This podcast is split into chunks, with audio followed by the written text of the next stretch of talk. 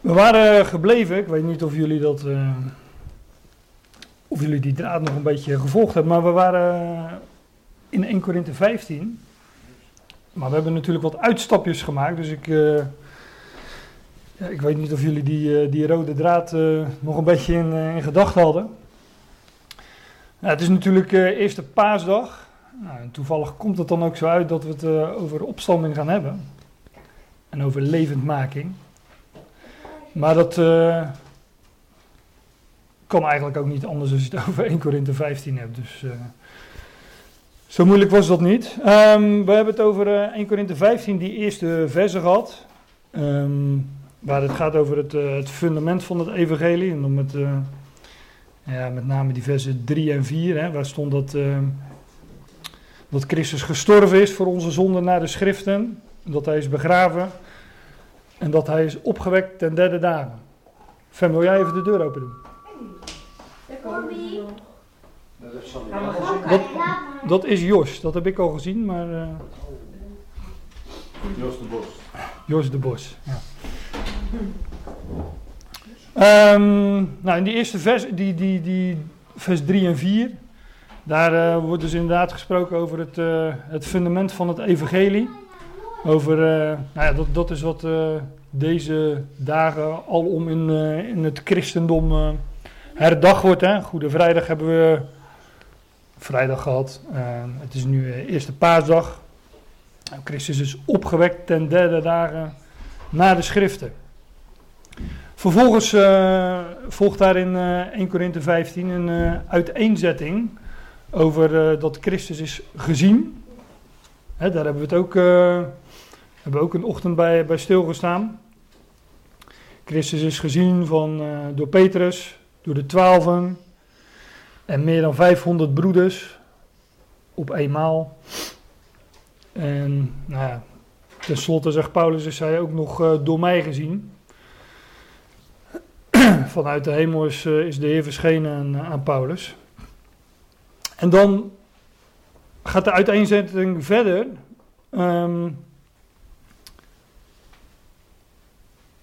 nou ja, ja, dan gaat de uiteenzetting verder met eh, een, eh, een, ja, een, een, een tamelijk logische redenering over wat de consequenties zijn als er geen opstanding is. Zoals sommigen onder die Corinthiërs zeiden. En Paulus die, eh, ja, die, die gaat er, die, zegt, die zegt in vers 12 is dat, hoe zeggen sommigen onder u dat er geen opstanding van doden is? Nou, dan gaat hij uitleggen als er geen opstanding van doden is, dan is Christus niet opgewekt. Ehm, en dan zijn wij ook, hè, wij, eh, de twaalf, de twaalf, Paulus zelf en al die mensen die hem gezien hadden en daarvan getuigden, die zijn dan eh, valse getuigen. En dat. eh, en wij hebben de, de. Goedemorgen, Jos. Wij hebben, het we hebben het vorige keer gehad over eh, die ooggetuigen die, eh, die ook nog eens alles wat zij eh, gezien hadden en gehoord hadden en getast hadden op, eh, op schrift hebben gesteld. En zelfs nog eh, de zaken die, de zaken die, die zij op schrift hadden gesteld, ja, ook nog hebben gebundeld als, wat we, naar wat wij kennen als de kanon van de Bijbel. Nou, daar hebben we het de vorige keer over gehad. Ehm, als ik dan nu verder ga in eh 1 Korinthe 15, waar wij ongeveer eh, gebleven zijn, dan, eh, dan komen we aan in vers, nou, vers 19, denk ik. Daar staat, indien wij alleen in dit leven op Christus zijn hopende, zo zijn wij de ellendigste van alle mensen. Hè, als het met betrekking tot het, de verwachting in, die we hebben in Christus alleen zou gaan om dit leven, ja, zegt Paulus, dan zijn wij de ellendigste van alle mensen. En met eh, wij eh, bedoelt hij Paulus en zijn, eh, zijn medewerkers. Ik ga er nu niet uitgebreid op in, maar ik zou naar 1 Korinthe 4 kunnen gaan, waar Paulus dit vers, wat, wat hij hier naar voren brengt, even in één zin, tamelijk uitgebreid naar voren brengt. Dat en zij leden, zij, zij, zij, zal, Paulus en zijn medewerkers hadden het zwaar te verduren. En hij contrasteert dat met, eh, met, met die Corinthiërs. die, eh, die, nogal, eh, die nogal vleeselijk leefden en in het, in het vlees betrouwden. En dan zegt hij in vers 20, maar nu, Christus is opgewekt uit de doden. En is de eersteling geworden van degenen die ontslapen zijn. Dan even de interlineaire naast.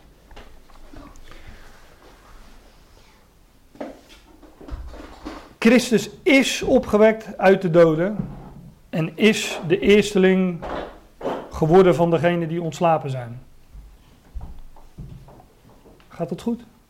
Ja. Ja? Sorry als ik herrie maak. Ja. Zo, hoe komt dat? Hier wel beroeren. Doe je de deur dicht, Fem? Dank u.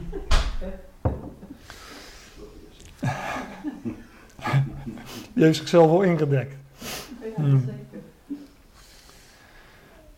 Christus is opgewekt uit de doden en is de eersteling geworden van degenen die ontslapen zijn. Let op ook, oh, ik, ik, ik ga meteen op wijzen wat hier staat. Christus is opgewekt uit de doden, hij is de eersteling geworden van degenen die ontslapen zijn. Hier staat niet, hij is de eersteling geworden van de gelovigen die ontslapen zijn. Ik wijs ze maar vast op. eh.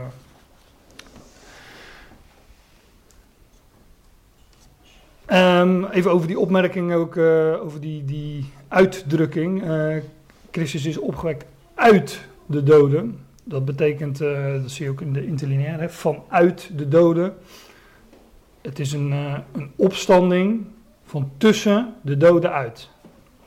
Dus ehm, nou ja, wij, wij kennen allemaal eh, mensen die, we, die, die gestorven zijn, die overleden zijn.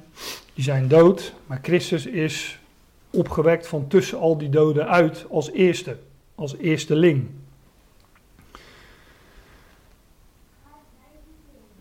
Er zijn nogal wat opstandingen uit de doden. Ehm, dat is ook wat Paulus eh, in het vervolg aangeeft in eh 1 Korinthe 15. Daar kom ik vandaag niet aan toe. Misschien dat we daar eh volgende keer eens eh, over moeten gaan hebben. Maar Christus is van al die doden die opgewekt zullen worden, de eerste. De eerste ling. En je ziet ook in de interlineair dat dat woord eersteling, dat wordt hier dan weergegeven met de eerste vrucht van de oogst. Er zal nog een hele oogst volgen van levendmakingen, van opstandingen. Maar Christus is daarvan de eerste.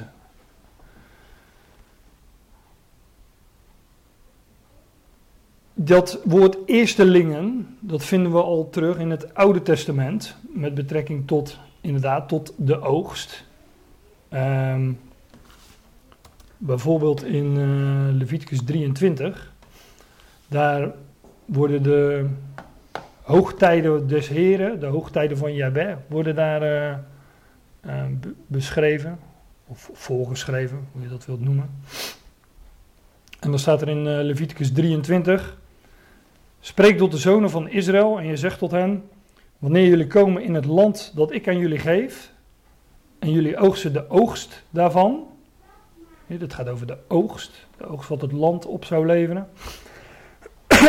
Wanneer jullie komen in het land dat ik aan jullie geef en jullie oogsten de oogst daarvan, dan zullen jullie een schoof van de eerste vrucht van jullie oogst naar de priester brengen. Dus het eerste, de eerste vrucht van die oogst was bestemd voor de, voor de priester, maar was bestemd voor de Heer. Zo eh, werd later ook over.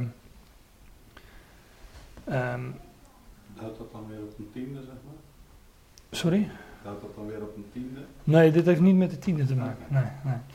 Ehm, later werd dit ook gezegd over ehm, al wat de baarmoeder opent, is van mij, zegt God. Elke eerste, dat is degene die de baarmoeder opent, elke eerste geborene, de eerste, eerste die geboren werd, die was bestemd voor de Heer. Tenminste, dat is wat schrift zegt. Kijk of hoe, hoe vaak en of Israël dat überhaupt in de praktijk ge- gebracht heeft, is natuurlijk de vraag. Ik, ik, heb maar één voorbeeld in de schrift waar ik dat, eh, waar ik dat lees, en dat is van Samuel. Hè, die, eh, die werd door zijn, door zijn moeder bij, eh, bij, de, bij de priester gebracht, bij Eli.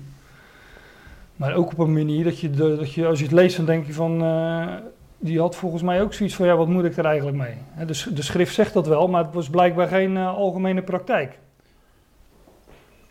Maar de eerste is bestemd voor de Heer. En dat is. ehm, nou, met onze. nou, met de eerste, niet onze, maar de eerstgeborenen van Israël was dat zo. Maar hier zie je dat dat. eh, eh, ook zo met de oogst gebeurde. De eerste. Jullie zullen een schoof van de eerste vrucht van jullie oogst naar de priester brengen. Bestemd voor de, voor de Heer dus. En hij zal de schoof voor het aangezicht van Jahweh, voor het aangezicht des Heren, zoals al wel staan in de Statenvertaling, eh bewegen. En die beweging duidt natuurlijk op, op leven. Door die schoof te bewegen. Nou, hoe ze dat dan deden, op en neer of heen en weer, dat, dat weet ik niet. Maar ja, beweging, dat is, een, eh, dat is een uitbeelding van leven. Dus daarmee werd die, die schoof, die eersteling, werd een levende schoof. En er werd een levende eersteling. En dat spreekt natuurlijk van, eh, van de eersteling, zoals we die vinden in, eh, in 1 Korinthe 15, de Heer Jezus Christus. Die hij, is de, hij is de eersteling. En deze schoof, deze eersteling in Leviticus 23, is een uitbeelding van de Heer Jezus Christus. Die, eh, ehm, ja, die werd bewogen inderdaad, die opgewekt werd uit de doden. En ja, daarmee eh, opvoert tot, eh, tot zijn vader in de hemel. Ja, staat dus ook nog bij voor jullie aanvaarding. Staat in de vertaling iets anders. Ik ga, er nu, ik ga er nu niet op in, maar denk daar maar eens over na. Christus werd als eerste opgewekt, als eersteling voor jullie aanvaarding. Ehm, dat is ook mooi, want wa- de gemeente, de Ecclesia, de uitgeroepenen, wordt een gemeente van eerstelingen genoemd. En dat komt omdat wij delen in die eersteling. Wij zijn met hem opgewekt. En hij is als eerste, en ook nog als enige, is hij opgestaan uit de doden. Dat niet helemaal, ik zeg het nu niet helemaal goed. Hij is als eerste, is hij levend gemaakt. Ik ga er straks nog wel even op in. Maar daarna zullen de eerstelingen volgen. Alle overige doden zullen nog in de dood blijven, maar de gemeente van eerstelingen zal als eerste levend gemaakt worden. En dat zal eh, gebeuren bij eh, ja, wat, men, eh, wat men over het algemeen de opname van de gemeente noemt, maar wegrukking of de weggrissing, dat is wat letterlijker. Maar ook van die eerstelingen wordt gesproken in dat Leviticus 23. En ik haal nu even twee versen eh, uit dat Leviticus 23 aan. En ik, heb nu, en ik ga nu ook een vers aanhalen waar over die eerstelingen wordt gesproken. Maar er zit veel en veel meer omheen. Eh, om die hoogtijden des Heren. Het zijn, een, eh, zijn een zevental hoogtijden. En die spreken natuurlijk allemaal wijzen die weer vooruit naar... het is profetie. Maar hier wordt gesproken van de eerste ling. En in vers 17 wordt gezegd: Uit jullie woningen zullen jullie brood als een beweegoffer brengen. Ook hier weer. Twee broden. Van twee tienden eva fijn meel zullen zij zijn. Met zuurdesem zullen zij gebakken worden als eerste vruchten, meervoud, als eerste vruchten voor Jahweh. Dus dit vindt plaats in Leviticus 23 na dat offer van die eerste ling. En hier wordt dan ook gesproken van de eerste lingen. Nou, als je het mij vraagt, is, eh, is dat een, eh, een uitbeelding van de gemeente, de Ecclesia. Twee broden, het dubbele deel van de eerstgeborenen. Maar ook een gemeente, een Ecclesia uit Jood en Heiden. Nou, enzovoorts. Valt natuurlijk veel meer over te zeggen. Maar daar gaat het dus in 1 Korinthe 15 over, als er wordt gesproken over een uh, eersteling, een eerste vrucht van de oogst. Nu is het zo dat uh, de Heer Jezus Christus niet de eerste was die opstond uit de dood. we kennen uit de evangelie kennen we een aantal uh, mensen die ook werden opgewekt uit de dood. Lazarus, dochtertje van Jairus. En, hm? Ja, de jongeling uh, van Nain. Dus er zijn wel een aantal, en zelfs in het Oude Testament vinden we het al, bij uh, Elia. En er zullen ongetwijfeld uh, nog een aantal zijn die ik, nou, die ik nu even vergeet. Ook voor het gemak natuurlijk. Maar er zijn dus eerder mensen opgestaan uit de dood. alleen, zij keren terug in dit oude leven en zijn uiteindelijk weer gestorven. En hier wordt dit. Ja, dat kan dus niet. Want ik kan nu niet naar boven. Dus moet je even wachten tot de pauze. Ja? Hoe lang gaat dat duren? Ga maar, ga maar even zelf kijken, kan je wel. Hoop ik. Het ligt vrij hoog, dus als we een boem horen, dan, uh, dan is ze gevallen. De Heer Jezus Christus wordt hier de eersteling genoemd, um, omdat hij de eerste is die onvergankelijk leven ontving. Dus hij werd opgewekt en hij kreeg niet dit oude leven terug, waardoor hij weer stierf, zoals Lazarus, zoals de jongeling van Nain, nou, enzovoort. Maar hij ontving onvergankelijk leven. In, uh, in 1 Korinthe 15 wordt, uh, dat is veel verder in het hoofdstuk, maar daar, uh, daar gaat het dus over die opstanding van doden in vers 42. Laat ik de interlineair daar ook even naartoe skippen. Dan wordt gezegd, alzo zal ook de opstanding der doden zijn. Het lichaam wordt gezaaid in verderfelijkheid, in vergankelijkheid. Het wordt opgewekt in onvergankelijkheid, in onverderfelijkheid. Dit gaat over uh, het, het, dode lichaam dat gelegd wordt in de aarde, een begrafenis. Uh, het lichaam wordt gezaaid in vergankelijkheid, het wordt opgewekt in onvergankelijkheid. Het wordt gezaaid in oneer, het wordt opgewekt in heerlijkheid.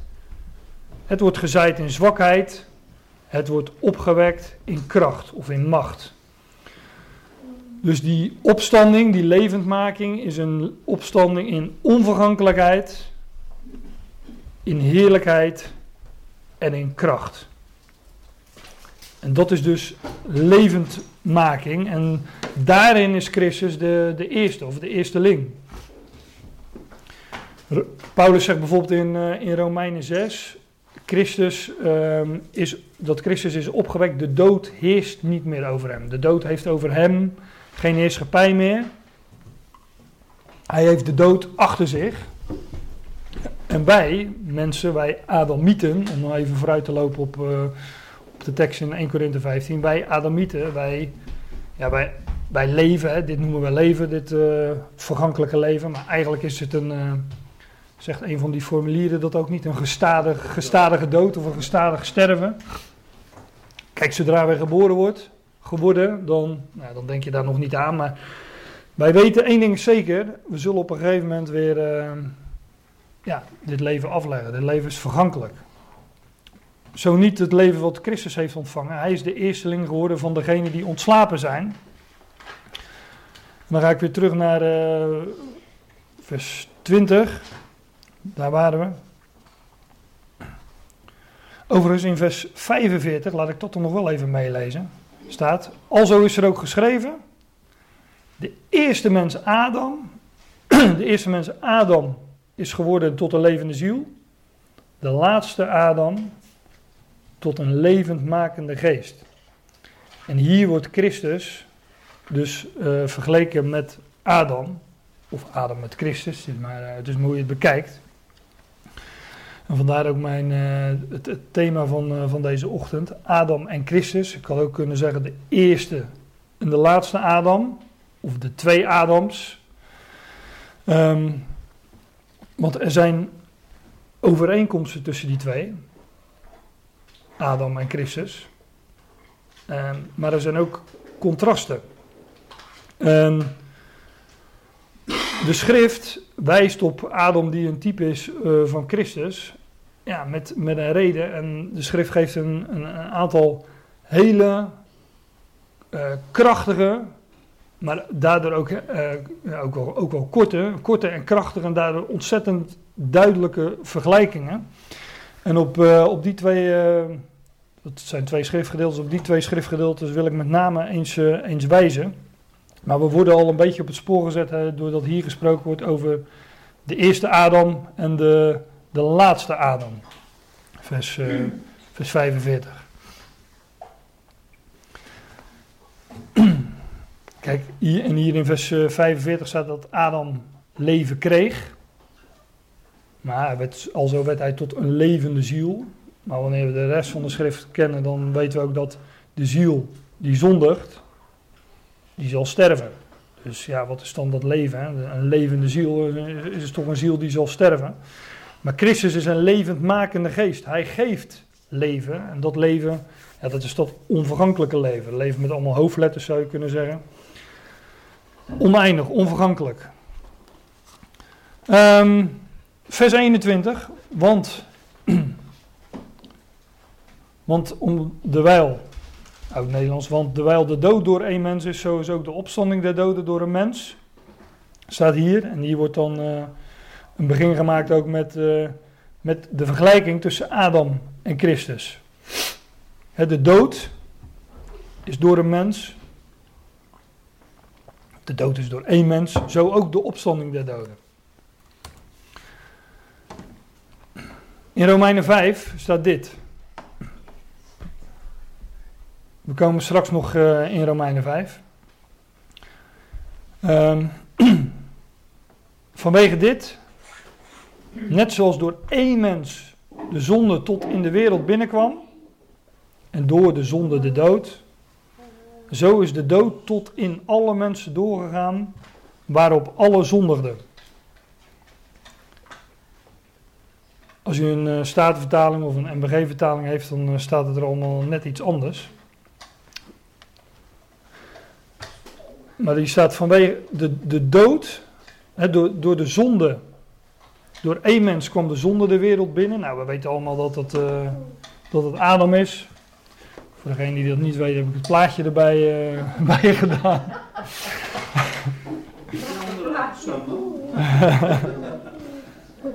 ja, wij zeggen het was, wij zeggen het, het was uh, die, de schuld van die vrouw natuurlijk. Maar, maar de schrift stelt de man verantwoordelijk.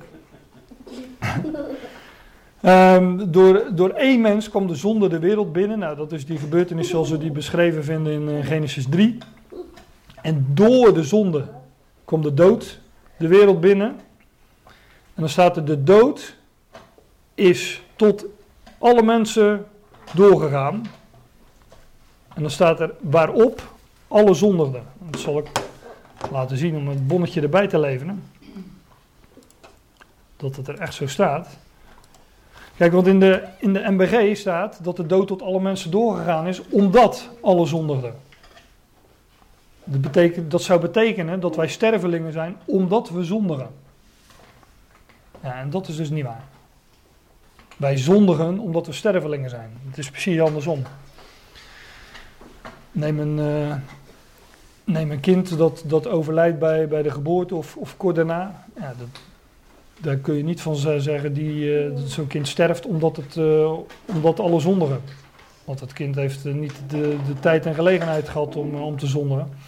Nee, de, door de zonde kwam de dood wereld binnen. De dood is tot alle mensen doorgegaan, waarop alle zondigden. Dus wij zondigen omdat we stervelingen zijn. Een mens is namelijk gemaakt om te leven. En een mens gaat dood, dus dat is zonde dat misdoel. en hier staat dat. Ehm, de dood kwam tot in alle mensen, kwam doorheen, op welke of waarop allen zonderden.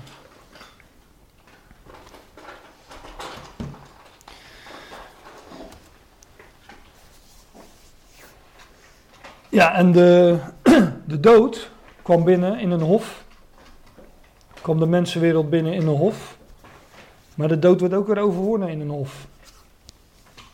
En ik ga jullie, ik ga, we, gaan het, we hebben deze ochtend over overeenkomsten en contrasten van, van Adam en Christus. Maar je zou met die blik ook eens eh, de, de, de geschiedenis van eh, de, de eerste hoofdstukken van Genesis moeten lezen. Ehm, wetend dat Adam een type is van Christus. En, ehm, nou ja, Adam had een vrouw, die werd uit hem genomen. Uit zijn hè, uit zijn zijde eh, staat er eigenlijk. Uit zijn zijde werd zijn vrouw genomen. En ehm, ja, wat betekent dat dan? Wat, wat zegt dat over Christus? Daar vinden we trouwens ook gewoon het antwoord over bij, eh, antwoord van bij, bij Paulus. Zegt ja, dat is een uitbeelding van Christus en zijn lichaam. Christus en de gemeente.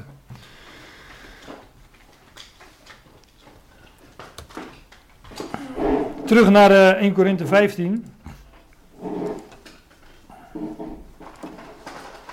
De dood is door een mens. Ook door een mens is, ook door één mens is opstanding van doden. Het zijn nogal korte, korte, korte zinnen, korte zinsdelen die Paulus naar voren brengt. Ja, en dan komen we bij een eh, schitterend vers.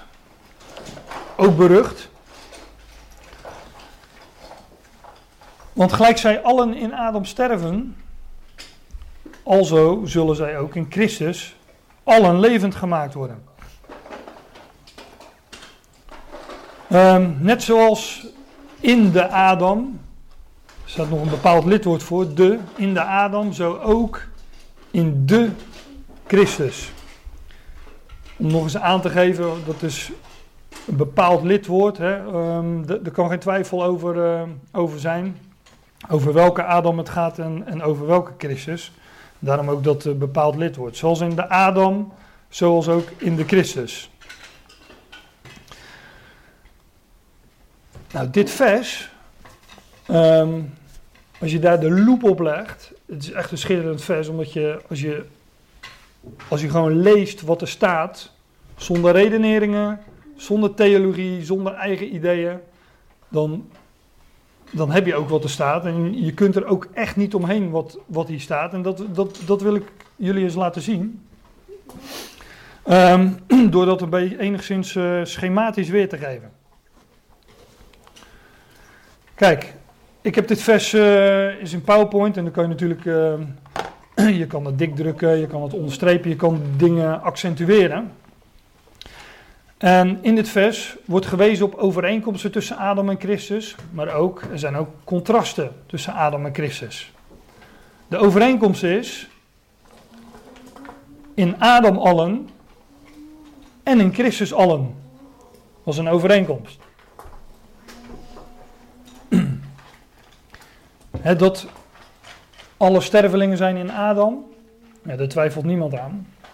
Alleen dat tweede allen, ja, daar probeert men altijd alles aan te doen om dat weg te poetsen, weg te redeneren. Maar als je echt de loep op het vers legt, als je echt kijkt wat er staat, dan kun je niet omheen. Dat, eh, breng, dat breng ik graag naar voren natuurlijk. Want ik ben heel blij met die boodschap. Dus, eh, maar in Adam sterven alle. In Christus ja, worden alle levend gemaakt. Maar de overeenkomst is, in één, hè, zoals het vorige vers zei, de dood is door één mens. Zo is ook de opstanding der doden door één mens. Ook dat is een overeenkomst, is beide door één. Hè, en in Adam allen en in de laatste Adam allen. In Adam allen en in Christus allen. Dat is de overeenkomst. er is ook een contrast. Want in de een sterven allen. En in de ander worden allen levend gemaakt. en let op, dat levend maken, ehm, dat is levend gemaakt zoals de eersteling Christus. Want hij is de eerste van deze reeks, lazen we net. Dus dat is niet een opstanding van doden zoals we bijvoorbeeld vinden bij, bij Lazarus en de jongeling van Nain uh, enzovoort. Het is ook niet de opstanding voor de grote witte troon. Maar nog een gedeelte van de, daar staan doden, staat er, staat er ook in openbaring, is het 20? Ja, 20 of 21. Daar staan doden voor die grote witte troon. En die worden ge- gericht uit de boeken. En daarvan lees je dat een, eh, een deel van diegenen die daar staan. ehm, worden geworpen in de poel van vuur. En dat is de tweede dood. Nou, zij sterven dus weer. En zij hebben dus op het moment dat ze daar staan voor die grote witte troon. geen onver- onvergankelijk leven zoals de eersteling Christus. Want hier in 1 Korinthe 15 gaat het over levendmaking. En zoals in Adam allen sterven, zo zullen ook in Christus allen levend gemaakt worden. En dat is een contrast. In Adam sterven allen, maar in Christus worden allen levend gemaakt. Ja, en het is natuurlijk een vergelijking. Het is bij de een zo, bij de een is het zo en zo is het dus ook met de ander. In de eerste Adam sterven allen, want net zoals in Adam alle sterven, zo zullen ook, precies zo, evenzo, even gelijk, eh, wat voor vertaling ook heeft. Zo zullen ook in de laatste Adam, in Christus, allen levend gemaakt worden. Namelijk leven, ehm, ja, leven ontvangen in onvergankelijkheid, heerlijkheid en kracht.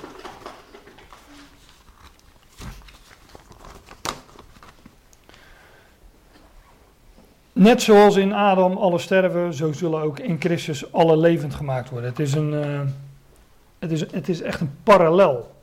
Het, ja, ik, wou- zeggen een nauw verband, maar het, het is veel meer dan een nauw verband. Het is echt een parallel. Het loopt, het loopt gelijk, het, het is gelijklopend, het loopt evenwijdig. In Adam sterven allen en diezelfde allen die in Adam sterven, die, die zullen zo ook in Christus allen levend gemaakt worden. Nou, we weten allemaal dat de dood geen uitzonderingen maakt. En hier lezen we dus ook dat het onvergankelijke leven, dat leven van Christus, eh, en dus Christus zelf, ook geen uitzonderingen maakt. En dat gebeurt allemaal in volgorde, in rangorde, tot je dienst. Dat zegt eh, het volgende vers ook, waar ik nu eh, niet naartoe ga, wellicht de volgende keer. Er is een volgorde, maar dit is het feit dat gesteld wordt. In Adam sterven allen, en net zoals in Adam alle sterven, alle dood, allen doodgaan, zo zullen ook in Christus alle levend gemaakt worden.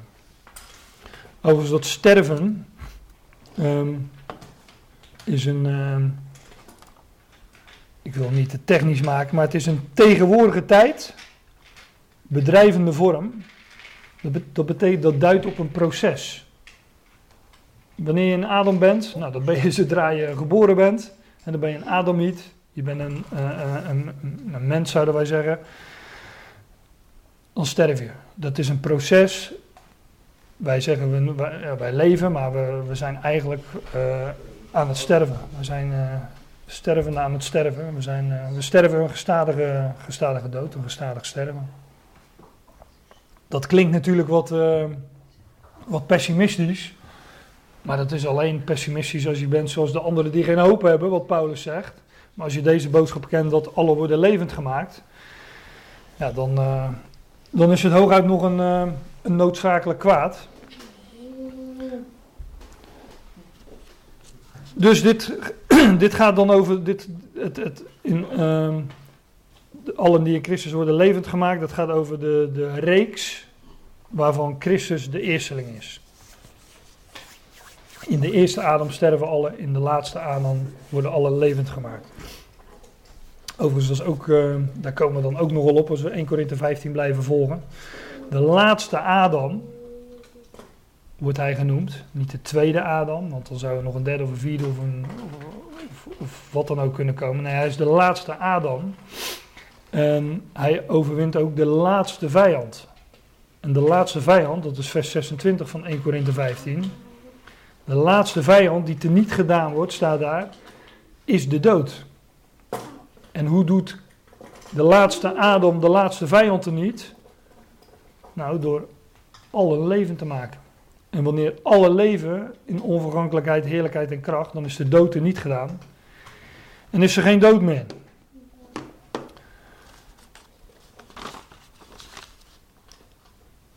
Ehm, ja, ik zit even op de klok te kijken of we gaan pauzeren of niet. Ik eh, ga nog heel even door. Want je zou je kunnen afvragen, ik weet niet of jullie dat doen, ehm, maar het zou op zich een, eh, een logische vraag zijn. Kijk, ehm, hier staat dat de hele mensheid in Adam is ingesloten. Dat begrijpen we. Hè, want we zijn allemaal, als we, als we een, een stamboom zouden maken, die terugvoert tot op uh, Adam, dan, nou, dan komen we dus allemaal uit diezelfde stamvader. Dan komen we allemaal bij, uh, komen we allemaal bij Adam terecht. We zijn allemaal Adamieten, we zitten allemaal in datzelfde schuitje. En heel de mensheid is dus ingesloten in Adam. Maar wat uh, is de logica? Dat de hele mensheid ingesloten is in Christus. Die kwam toch veel later en uh, die werd toch pas duizenden jaren na Adam geboren. En hoe kan dan toch de hele mensheid ingesloten zijn in Christus? Ja, daar geeft de schrift ook een antwoord op, dus dat, dat wil ik dan ook uh, naar voren brengen voordat we gaan pauzeren. En dan moeten we helemaal terug naar het begin van, uh, van de schrift, naar Genesis, Genesis 1.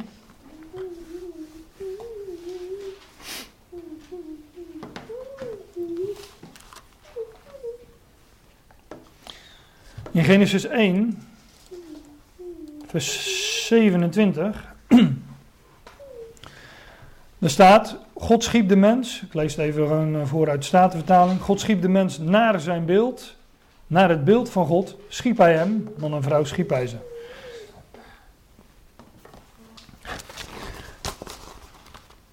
Um, letterlijk staat hier, Elohim, dat is God, hè? De aanduiding van de Godheid. Hij schept, God, de mens, in beeld van hem. In zijn beeld, in het beeld van God. Hij schept hem.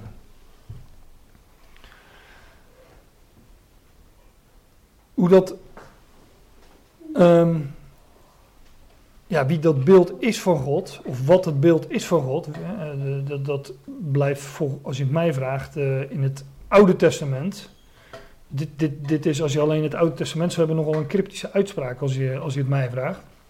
En in het Oude Testament blijft die vraag op zijn minst verborgen. Als het uh, zou je kunnen zeggen onbeantwoord. Wij kunnen die, dat antwoord op die vraag wel kennen, maar dat komt omdat we de brieven van Paulus bijvoorbeeld hebben. Uh, want Paulus, die geeft antwoord op wie dan... Kijk, hier staat dat de mens dat God de mens schept in zijn beeld. Paulus geeft antwoord wie het beeld is van die God. 2 Korinthe 4, ik laat twee schriftplaatsen zien.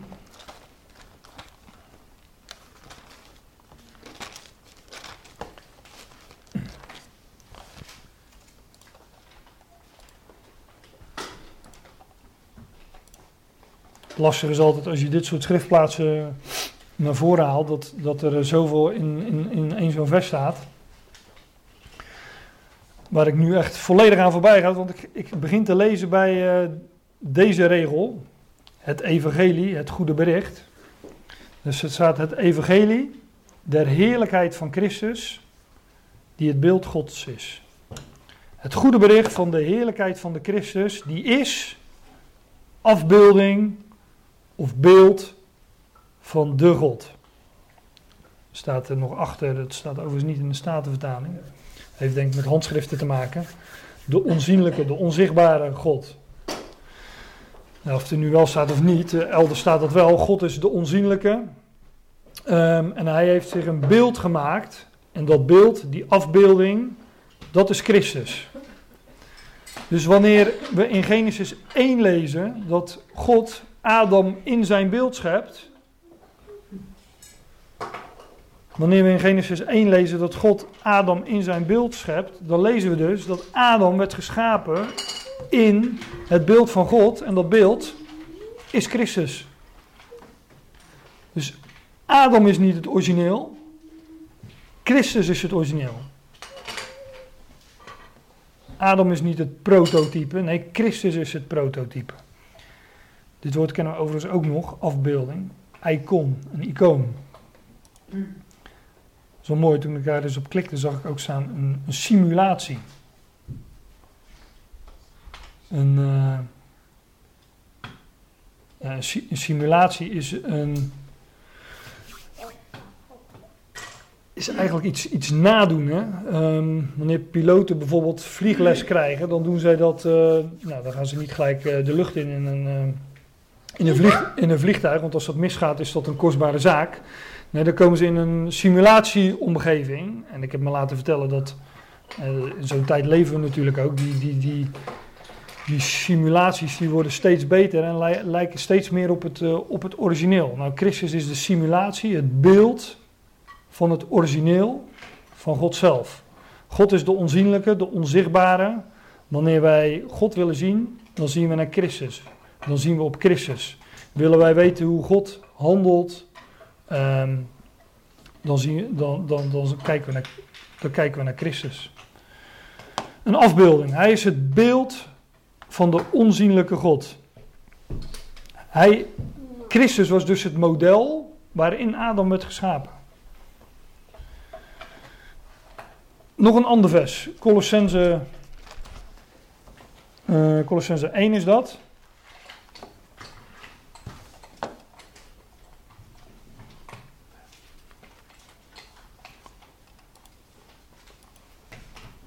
Kijk, als je op dit. Uh, ik ga nu naar Colossense 1 door op, uh, op dit woord te klikken. En dan naar het strongnummer te gaan. Dan zie je waar dit woord allemaal nog meer voorkomt. En dan kom je vanzelf ook in, uh, in Colossense 1, vers 15. Maar dit is ook wel een mooi. Hè? Toen, ik, toen, ik dat, toen ik dat deed terwijl ik het aan het voorbereiden was. Dan zie je ook waar dit woord allemaal nog meer voorkomt. Wat is er dan? Het is een pauze. Bijna joh, echt bijna. Vier minuutjes of Ja, nog vijf, vijf minuutjes, hooguit. Um, deze geschiedenis las ik pas voor aan, aan de kinderen. Daar wordt uh, Matthäus 22, Marcus 12, Lucas 20. Daar, wordt, uh, daar willen ze de Heer Jezus, uh, de, de, die wordt daar door de schriftgeleerden en de fariseeërs, willen ze hem, ze willen hem ja, te pakken nemen eigenlijk. En ze vragen aan hem van, is het geoorloofd om belasting te betalen aan de keizer? En dan zegt de Heer Jezus van, geef me eens zo'n Geef me die, die munt is, die, die belastingmunt. Dat is dan een, uh, een muntje waarop uh, een afbeelding staat van. Uh, Ik wist het wel hoor. van precies. Daar staat dan een afbeelding van de keizer op. En dan zegt Jezus pakt die munt en zegt van ja, wiens beeld is dit? En wiens afbeelding, wiens icoon is dit? Zeg, ja, dat is van de keizer. Nou, dan zegt, zegt Jezus, geef dan aan de keizer wat van de keizer is en aan God wat van God is.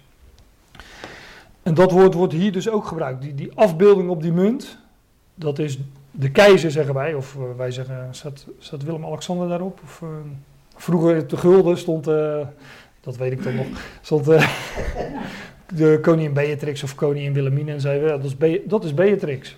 Maar dat is Beatrix niet, het is haar beeld. En zo is Christus het beeld van God, de onzienlijke. Want God is de onzienlijke. Nou, dat woord wordt hier dus gebruikt en ook in, uh, in Colossense 1. Daar gaat het over de zoon zijner liefde. Gods geliefde zoon in vers 13. Gods geliefde zoon, de welke, of die is, afbeelding van de God. En hier staat wel uh, de onzienlijke. Hij is afbeelding van God, de onzienlijke. En ook hier staat de eerstgeborene van elke, schepse, elke schepping. De Statenvertaling zegt de eerstgeborene van alle creaturen. Ja, hij is de eerstgeborene van elk schepsel. Ook hier weer die term, de, de eerstgeborene. Daarom zei, noemde ik net ook het woord proto, prototype. Hier is het Griekse woord protokos, prototokos. En uh, dat betekent eerstgeboren. Hij is de eerste. En Christus is het beeld van God, de onzienlijke eerstgeborene van elk schepsel. En Adam werd in hem geschapen. De mensheid was dus al besloten in Christus voor Adam geschapen werd. Nou ja, Adam bepaalt het lot van heel de mensheid. En Christus des te meer. Hè? Hij is de laatste, de definitieve Adam. Nou, dat zagen we al in eh 1 Korinthe 15. Maar dat eh, zullen we straks na de pauze ook nog zien in eh Romeinen 5. Maar nu is het echt de hoogste tijd voor een pauze.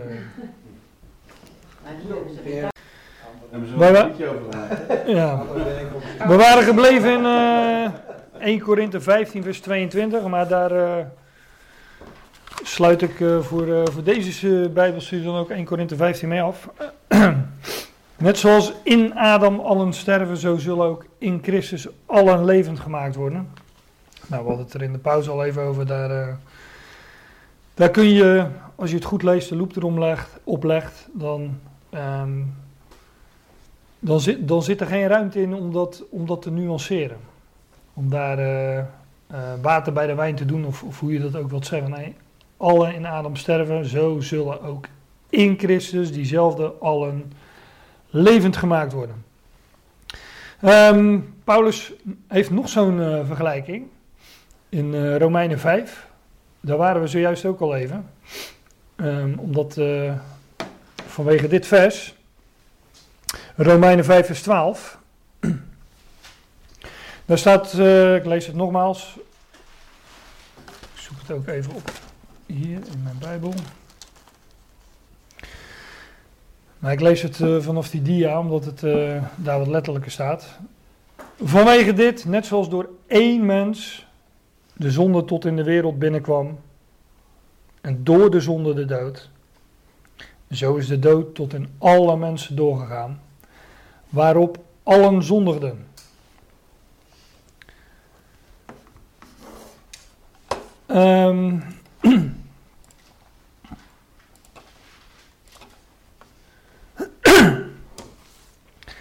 ja, dus dat gaf ik voor de pauze ook al even aan. De MBG zegt hier, omdat allen zondigden. Ehm, dat, staat er dus, eh, dat staat er dus niet, heb ik ook laten zien. Ehm, alle, alle zondigen dus, omdat zij stervelingen zijn. En niet andersom. Niet allen sterven omdat zij zondaren zijn. Hier maakt Paulus dus ook een vergelijking. Hè? Hij zegt, vanwege dit, net zoals door één mens de zonde de wereld binnengekomen is, enzovoort. Alleen hij maakt die vergelijking hier niet af. Tenminste niet in dit vers. Hij maakt die vergelijking pas af in vers 18.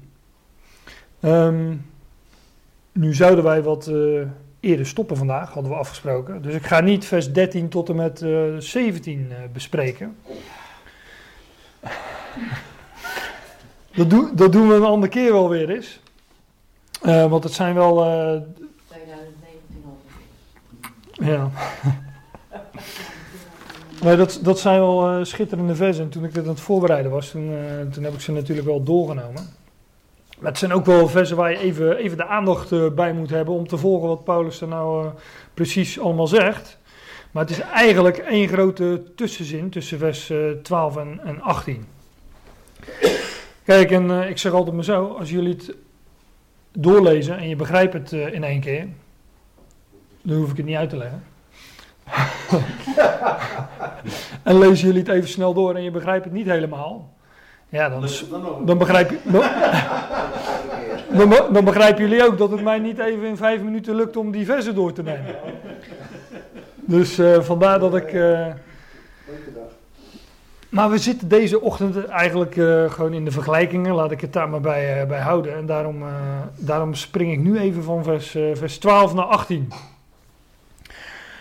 Want Paulus die begint de vergelijking net zoals door één mens de zonde tot in de wereld binnenkwam, door de zonde de dood. Zo is de dood tot alle mensen, of tot in alle mensen doorgegaan.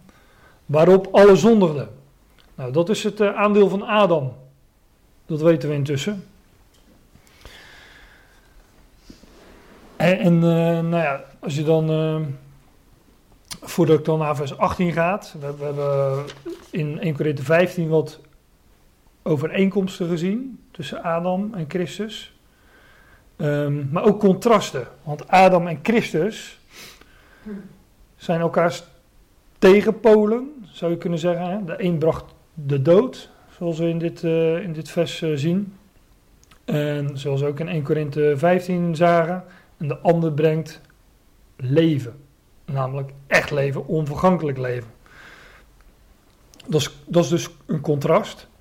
Maar er is ook, eh, er is ook een overeenkomst die telkens in deze versen, dat zien we ook in Romeinen 5, die telkens wordt benadrukt. Ze zijn beiden, zowel die eerste als die laatste Adam, hoofd van een mensheid. Adam, is, eh, Adam is het hoofd van de oude mensheid, zeg maar, die, die, die allen die in Adam sterven.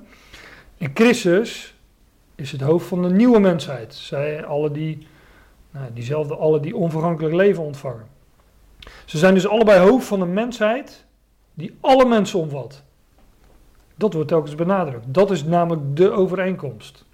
Het was, dat is ook een overeenkomst tussen één die de dood bracht, tussen één die onvergankelijk leven brengt.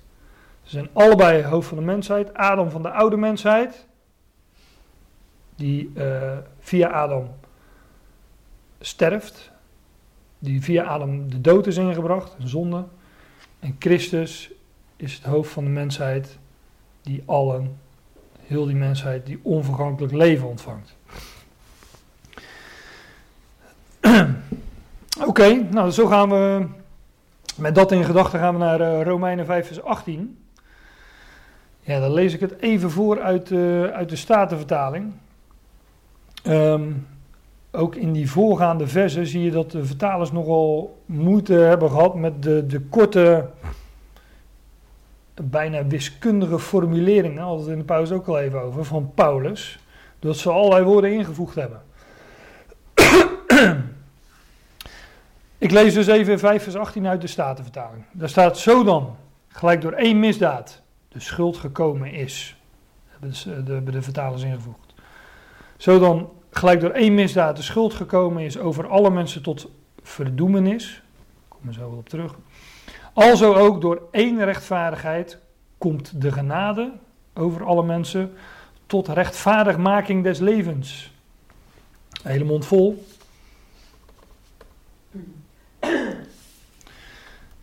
Um, het staat er allemaal wat korter. En ik heb dat uh, wat, wat, letterlijker, uh, wat letterlijker weergegeven. Dus dan, zoals er door één misdaad, één misstap, voor alle mensen tot veroordeling was, zo is het ook door één rechtvaardigheidsdaad voor alle mensen tot rechtvaardiging van leven. Aansluitend op vers 12, daar bracht Paulus naar voren, daar begon hij een vergelijking. Gelijk door één mens de zonde de wereld binnengekomen is, door de zonde de dood. De dood is tot alle mensen doorgegaan. Nou, dan gaat hij dus een hele, waarop alle zondigen, dan komt er een hele tussenzin, vers 13 tot en met 17. En dan pakt hij de vergelijking hier weer op, in, uh, in vers 18. dan zegt hij zo dan, of dus dan, zoals ze door één misstap een misdaad, zegt de Statenvertaling, voor alle mensen tot veroordeling was, zo is het ook door één rechtvaardigheidsdaad voor alle mensen tot rechtvaardiging van leven.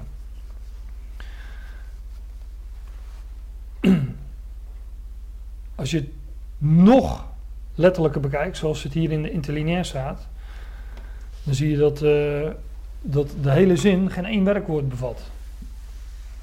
Het is echt, um, nou ja, wiskundig uh, bijna. Een, een, een, een, hele korte, krachtige formulering.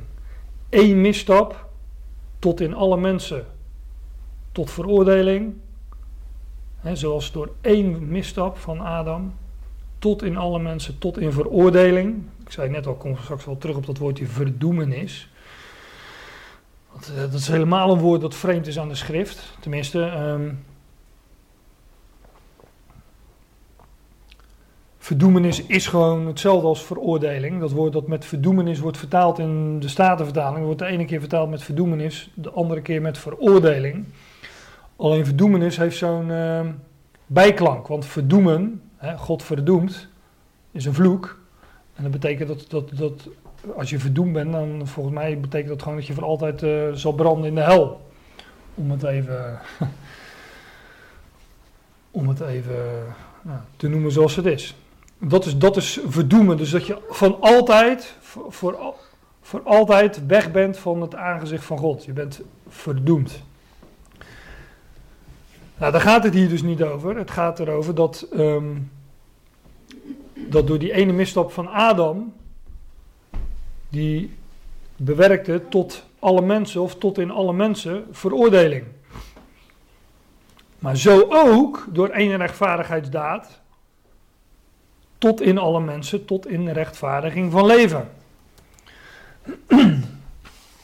heb ik ook, eh, deze zin heb ik ook eh, wat schematischer weergegeven. In eerste instantie, het is een vergelijking. Zoals door één misstap voor alle mensen, veroordeling. Zo ook door één rechtvaardigheidsdaad voor alle mensen, rechtvaardiging van leven. Dat is een vergelijking. Het ene is zo, dus is het ander ook zo. Bij de eerste Adam, want daar gaat het natuurlijk over in de eerste zin. Wat voor de eerste Adam geldt, dat eh, wordt vergeleken met, eh, met die laatste Adam. Het is één misstap, of één misdaad, zoals de Statenvertaling zegt. Het is één daad van rechtvaardigheid. Eén rechtvaardigheidsdaad. Ik weet niet of dat echt een Nederlands woord is, een rechtvaardigheidsdaad. Het is wel een mooi voor uh, Scrabble-galgje. Maar het is in ieder geval, een, nou ja, zo, zo jullie willen, één daad van rechtvaardigheid. Maar aangezien we het over één en één hebben, dacht ik, nou, één woord is ook wel mooi om daar één woord van te maken. Het is één misstap en het is één rechtvaardigheidsdaad. Dat is het contrast. Dit is natuurlijk echt een, een contrast, een misstap en een rechtvaardigheidsdaad. Je zou kunnen zeggen een misstap en een, uh, een goede stap. Het was één rechtvaardigheidsdaad, het is één misstap. De overeenkomst is weer dat het voor alle mensen is. En zoals, we, zoals het één geldt voor alle mensen, die misstap, en dat de dood door die ene misstap van Adam doorgegaan is tot alle mensen, ja, zo is ook door die ene rechtvaardigheidsdaad wordt iets bewerkt voor alle mensen. Het een is zo, zo en zoals het, door, zoals het voor de een is, zo, zo is het ook door die ander. Zoals het door Adam is, zo is het ook door die laatste Adam. Ja, en ook dit is natuurlijk een contrast. Adam bracht, die ene misstap bracht voor alle mensen veroordeling.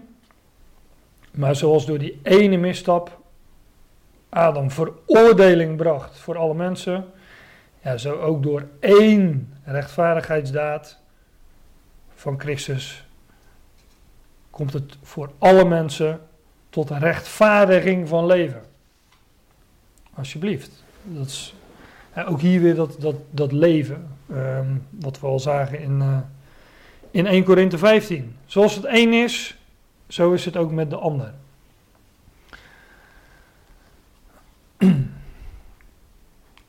Dus dan, zoals het door één misstap voor alle mensen tot veroordeling was, zo is het ook door één rechtvaardigheidsdaad voor alle mensen tot rechtvaardiging van leven. Dan lezen we even verder. Vers 19. Want net zoals door de ongehoorzaamheid van de ene mens de velen tot zondaars werden aangesteld, zo zullen ook door de gehoorzaamheid van de ene de velen tot rechtvaardigen aangesteld worden. En ik heb, ik heb regelmatig gehad als ik vers 18 naar voren bracht, dat men uh, zei van ja, in vers 19 staat wat anders. Dan zei oh ja. Ja, daar staat dat het gaat om velen, dat is niet alle. Nou, alle zijn er echt wel veel. Toch? Nee, maar dat, het een sluit het ander niet uit. Het een sluit het ander niet uit. Alle zijn er veel. En dit is, ehm, ehm, dit is slechts een toelichting op vers 18, wilde ik zeggen. Maar ik zou wellicht beter kunnen zeggen dat vers 18 een toelichting is op vers 19. Maar daar kom ik straks nog wel op. Ehm, die heb ik ook even in schema gezet. Want ook hier weer de vergelijking. Hè? Zoals door de ongehoorzaamheid van de ene mens de velen tot zondaars werden aangesteld, zo zullen ook door de gehoorzaamheid van de ene de velen tot rechtvaardigen aangesteld worden. Net zoals, zo ook. Dat is de vergelijking. Ook alleen de velen? Ja, ja. eh, daar, kom ik, eh, daar kom ik nog op. Hier weer een contrast. Net zoals door de ongehoorzaamheid van Adam, zo ook door de gehoorzaamheid van de laatste Adam, Christus. Er valt veel over te zeggen hoor, over de gehoorzaamheid van Christus. Hij die zijn weg ging in geloof, het geloof van Jezus Christus. Maar hier, dit is een contrast tussen Adam en Christus. Net zoals door de ongehoorzaamheid van die ene mens, zo ook door de gehoorzaamheid van de ene. Dat is weer een overeenkomst, hè? Adam en de laatste Adam. Adam en Christus. Dus beide één. De ongehoorzaamheid van. Net zoals door die ene mens, zo ook van de ene. Nou, De, de eerste ene mens, de eerste ene, die ene mens is Adam. Die andere, de andere, staat er ook met de hoofdletter, heb ik dat geschreven, is de ene, dat is natuurlijk Christus. Door de ongehoorzaamheid van de ene mens en door de gehoorzaamheid van de ene. Ook weer hier weer een overeenkomst. De velen, net zoals door de ongehoorzaamheid van de ene mens, de velen, zo ook door de gehoorzaamheid van de ene. De velen.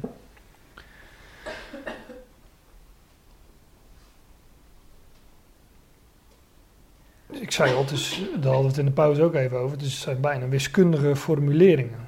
Als je ze zo, eh, zeker als je ze zo eh, naast elkaar zet. En dat is met een, eh, met een powerpointje wel heel makkelijk natuurlijk.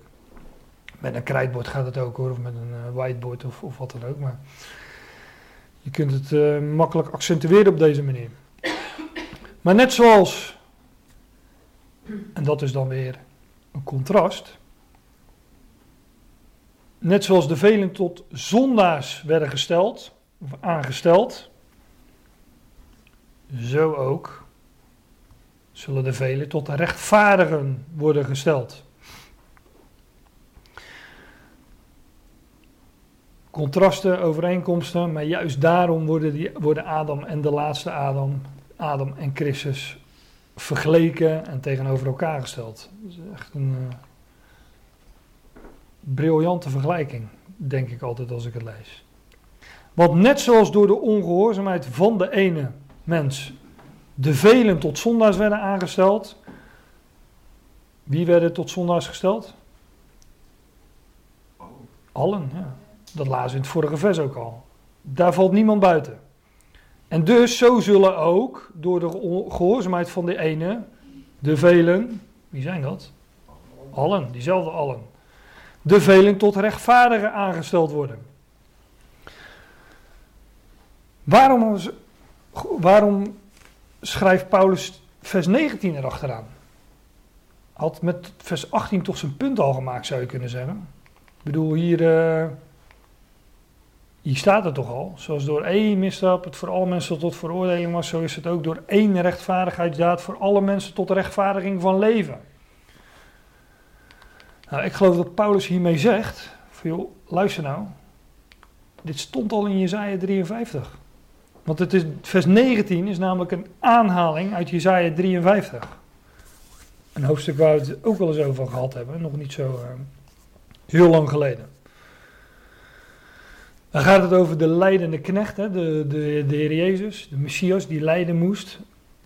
Nou ja, in Isaiah 53 gaat het niet alleen over zijn lijden, eh, maar ook over zijn, eh, ja, zijn sterven, maar ook over zijn opstanding en zijn verheerlijking. Daar staat, ik lees het even voor, om de moeitevolle inspanning van zijn ziel zal hij het zien. Hij zal verzadigd worden. Door de kennis van hem zal de rechtvaardige mijn knecht de velen rechtvaardig maken. Want hij zal hun ongerechtigheden dragen. Kijk, wanneer je alleen wanneer je Jezaja leest, dan zou, dan zou je denken van eh, de velen, ja, dat gaat over Israël. Want de, de, o- het Oude Testament, de Tenach, is, is ja, eh, rechtstreeks tot, ehm, tot Israël gericht. En dit zijn ook, eh Jezaja 53 zijn woorden die eh, Israël in de toekomst, hebben we toen over gehad, in de mond zal nemen. Hè, wanneer zij eh, de, de Heer Jezus Christus als hun Messias zullen erkennen en herkennen. Maar de, de velen is Israël. Maar met de kennis die wij hebben, met de brieven van Paulus, zeggen van ja, de velen, als dat alleen Israël is, op het geheel is dat weer niet veel. Het zullen er ongetwijfeld wel veel zijn, maar het hangt maar van, van het perspectief eh, af wat je van, van veel hebt natuurlijk. Ten opzichte van wat?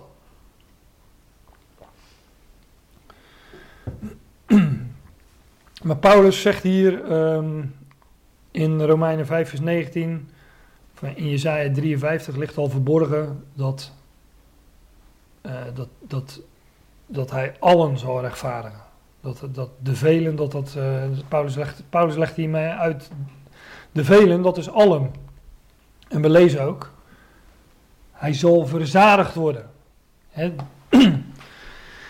om zijn moeitevolle inspanning, om zijn moeitevol lijden of zo staat er volgens mij in de Statenvertaling, om eh, de arbeid van zijn ziel, ik weet niet precies. En arbeid is eh, zwaar werk, hè, moeitevolle inspanning, dat lijden dat over, eh, over hem kwam. Ja, dat onderging hij vanwege de vreugde die hem was voorgesteld. En de vreugde die hij op het oog had, daarin daarin zou hij verzadigd worden. Hij zal verzadigd worden. Dat wat hij voor ogen heeft, dat zal hij ook daadwerkelijk bereiken. Nou, Paulus haalt die vers aan in Romeinen, in Romeinen 5, vers 19. En ehm, ja, hij geeft, daar een, eh, hij geeft daar een toelichting op. Oftewel, in Romeinen 5, vers 18 legt Paulus de nadruk op alle alle mensen, hè, alle mensen zijn in Adam veroordeeld. In de laatste Adam worden alle mensen ontvangen rechtvaardiging van leven. In vers 19 legt hij de nadruk op veel. Nou, jullie zullen begrijpen, het een sluit het ander niet uit. Alle mensen, dat zijn er veel. En in Jezaja 53 lezen we dan dat het zal zijn tot verzadiging. Dat wat hij voor ogen heeft, daarin zal hij verzadigd worden. Hij zal dat, dat doel bereiken. En inderdaad, zoals in Adam alle sterven, zo zullen ook in Christus alle levend gemaakt worden. Diezelfde allen. Nou, daar wil ik het eh, voor nu bij laten. En de volgende keer eh, denk ik dat we verder gaan in, eh, in 1 Korinthe 15.